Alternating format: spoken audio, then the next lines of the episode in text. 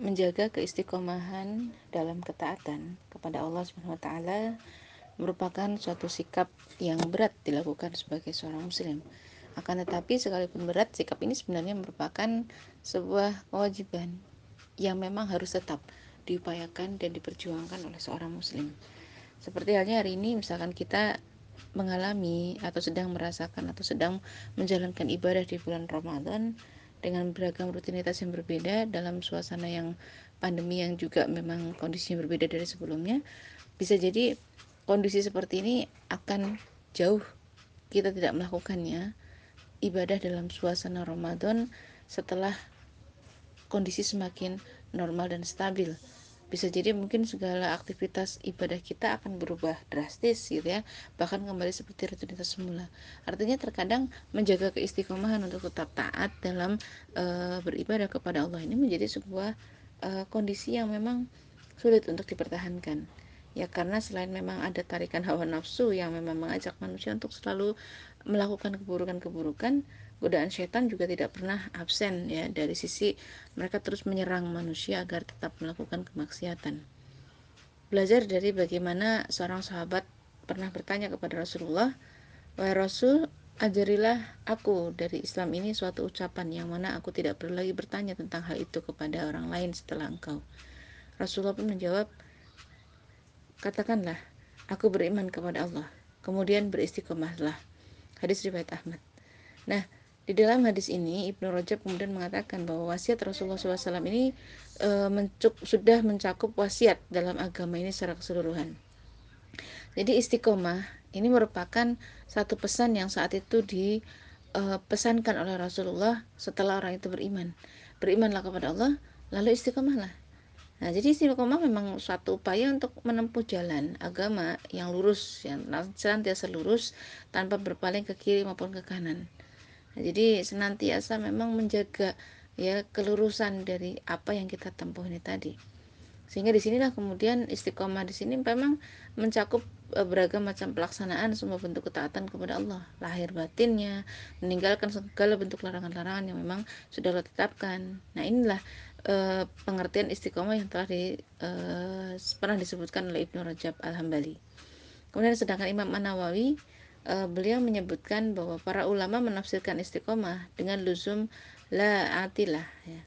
atau atilah salah maksudnya taatilah artinya tetap konsisten dalam ketaatan kepada Allah nah lalu bagaimana agar kita bisa memahami bahwa konsisten dalam ketaatan kepada Allah ini menjadi sebuah uh, apa amalan sehari-harinya kita. Ya agar kita tetap istiqomah dalam penuh taatan itu memang beberapa hal yang harus kita lakukan. Harus kita senantiasa jaga. Mulai yang pertama keimanannya harus benar dan lurus ya. Berimanlah secara benar dan lurus ya. Di mana antara kondisi ini tadi ketika seorang beriman maka menyatulah antara keyakinan ucapan dan juga tindakannya. Jadi bukan hanya sekedar orang yang mengimani Allah hanya dari sisi ucapan saja itu tidak tapi antara keimanan ucapan dan juga tindakan tidak ada bedanya artinya seluruhnya menyatu yang kedua perbanyak mengkaji, menghayati dan mengamalkan seluruh isi Al-Qur'an. Dipraktekin itu. Jangan sampai Al-Qur'an sekedar dibaca tapi tidak dipraktekkan. Yang ketiga, kan agama eh, segala amal dengan ikhlas dan selalu berusaha terikat dengan syariatnya Allah. Ya, ini kan tidak hanya sekedar membaca tapi juga mempraktekkan mengamalkannya dengan taat kepada syariat. Yang keempat, banyak menjalankan amal-amal yang sunnah, ya. Berbanyak sholat sunnahnya baik itu sholat malam ya sholat sunnah nantinya ketika sudah selesai Ramadan ya. Dan ini terus dijalankan secara konsisten. Yang kelima baca kisah-kisah orang yang solih yang terdahulu sehingga bisa jadi teladan nantinya untuk kita beristiqomah. Karena bagaimanapun sumber inspirasi kita biasanya kita juga baca dari kisah-kisah hebat dari para pejuang-pejuang Islam pada masa dulu Begitu juga dalam Al-Quran banyak sekali diceritakan bagaimana kisah Nabi, Rasul, dan perjuangannya orang-orang beriman pada masa lalu. Sehingga kisah-kisah seperti ini banyak yang bisa dijadikan sebagai peneguh hati ya, peneguh hati dan juga uh, ini pun pernah dilakukan oleh Rasul dan juga orang-orang mukmin pada masa dulu dengan membaca kisah-kisah terlebih dahulu. Ya, bagaimana contohnya kita membaca sikap istiqomahnya Nabi Ibrahim saat dibakar oleh penentangnya. Ya, kemudian bagaimana juga uh, para salafus soleh pun senang mempelajari kisah-kisah orang soleh terdahulu untuk diambil berbagai teladan.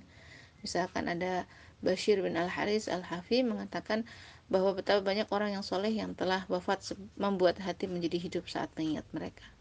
Masya Allah ya Kemudian Imam Ibu Hanifah juga senang mempelajari kisah-kisah para ulama dan ia berkata, kisah-kisah para ulama dan duduk bersama mereka lebih aku sukai daripada menguasai beberapa fikih. Itu karena dalam kisah mereka diajarkan berbagai adab dan akhlak luhur mereka. Masya Allah luar biasa. Dan yang keenam, jangan lupa ya bahwa bergaul dengan orang-orang yang suali, maka ini akan menjaga kualitas ketaatan kita, keistiqomahan kita juga kepada Allah. Ya, bahwa memang orang-orang di tengah kita. Ya dulu pun sudah uh, bagaimana sahabat ya yang keberadaan para sahabat pun ketika mereka berada di tengah bersama dengan Rasulullah Allah juga saat itu senantiasa membersamai Rasul dengan para sahabat dalam segala kebaikan-kebaikan mereka. Masya Allah luar biasa. Sehingga di sinilah kita memang harus selalu dekat dengan orang-orang yang salih ya. Bagaimana Fudel bin Iyad pernah berkata pandangan seorang mukmin kepada mukmin yang lain akan meng mengkilapkan hati. Masya Allah. Pandangannya teduh menyenangkan ketika dilihat. Ya juga bukan untuk memandang hanya dari sisi sekedar hal nafsu saja tidak. Yang ketujuh perbanyak doa kepada Allah agar diberikan keistiqomahan. Karena doalah ini yang paling e, penting juga ya agar Allah memang senantiasa e, memberikan keteguhan iman ya kepada kita kemudian keistiqomahan kepada kita jadi ini beberapa hal yang memang harus nanti dilakukan untuk menjaga keistiqomahan kita dalam menapaki jalan perjuangan. Sekian, Assalamualaikum warahmatullahi wabarakatuh.